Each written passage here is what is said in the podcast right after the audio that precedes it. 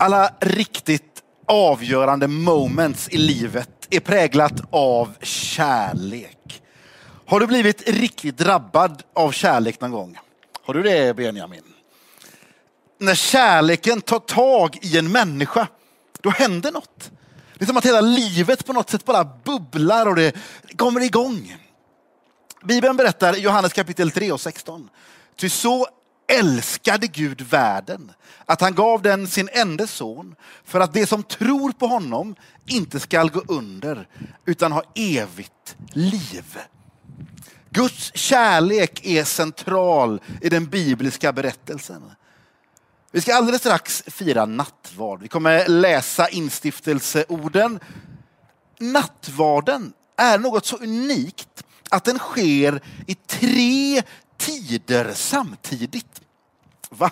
Tänker ni, men jo det är så, tre tider samtidigt. Det finns ett historiskt perspektiv, det finns ett nu som det sker och sen finns det en blick framåt. När Jesus instiftade nattvarden för 2000 år sedan så var det historiska befrielsen ut ur Egypten. För att man kom ihåg, att man mindes, att man drack ur en bägare för att ett lamm hade fått slaktats för ett helt folks befrielse. Befrielsen ur Egypten. Och det präglade hela det samhället. Att lammet hade fått ge sitt liv för befrielse. Det var det historiska perspektivet. Sen skedde ju nattvarden precis nu, ja, alltså just då, men nu för dem. Det var ett eget möte mellan lärjungarna och Jesus Kristus. Högst verklig, påtaglig just då. Deras nu. Men sedan är också nattvarden en blick framåt. Det är som att titta framåt när Jesus säger gör detta till minne av mig. Och varje gång ni gör det så förkunnar ni min död till dess jag kommer åter. Det är en blick framåt. Ett löfte om något nytt som ska komma. Därför firar vi nattvard här. Du bakom skärmen och, och vi tillsammans är här för att det finns ett nu. Jesus möter oss precis nu. Dig precis nu, där du är. Jag vet inte hur du tänker kring det här med att möta Gud. Hur ska man klä sig? Hur ska man vara? Vad händer om Gud själv kliver in i din närhet? Det stora med kärleken, det är att kärleken tål och vinner. Guds kärlek vinner över dina brister, mina brister, vår kamp. Och det sker just nu. Det här är inte en berättelse som bara har ett historiskt förflutet, en betydelse långt där borta. Utan det händer genom den helige ande här och nu. Och vi gör ju det för att det finns en historia.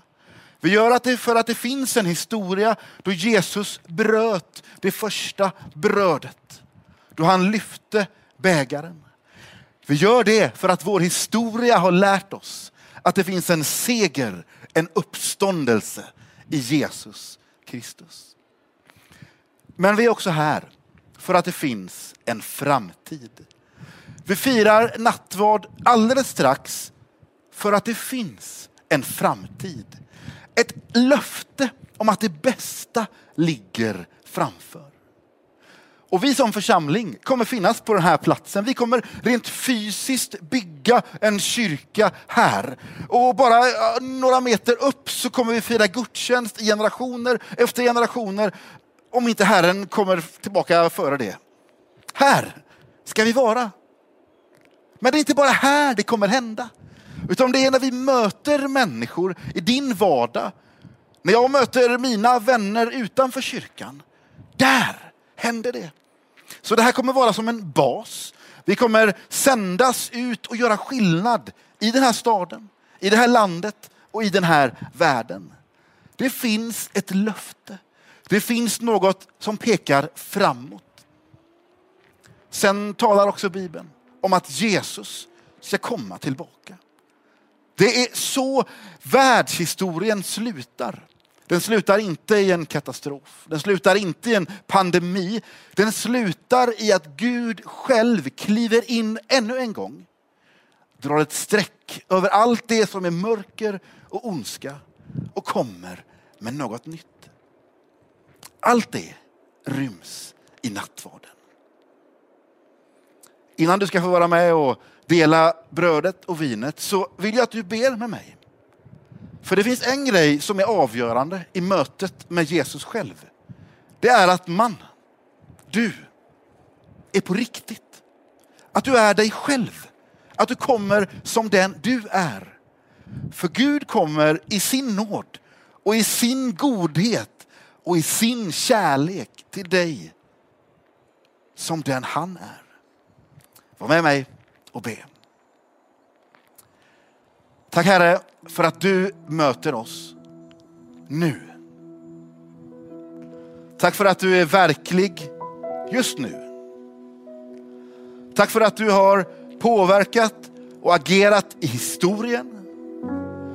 Och tack för att du har ett löfte för vår framtid. Herre, nu kommer vi sådana som de vi är. Kanske är det för första gången vi är beredda att komma som de vi är inför dig. Herre, du öppnar någon, kanske just nu, sitt hjärta och säger ja. Jag vill fira den där måltiden med dig Jesus Kristus. Jag vill att mitt liv ska vara påverkad av din historia. Ditt nu och din framtid för mig. Herre, du ser vad jag kämpar med. Vad vi här på plats kämpar med och vad den som befinner sig bakom en skärm kämpar med.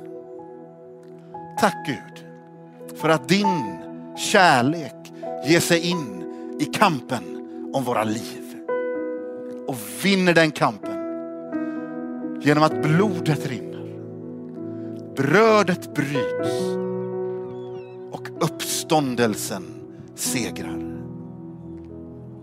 Amen.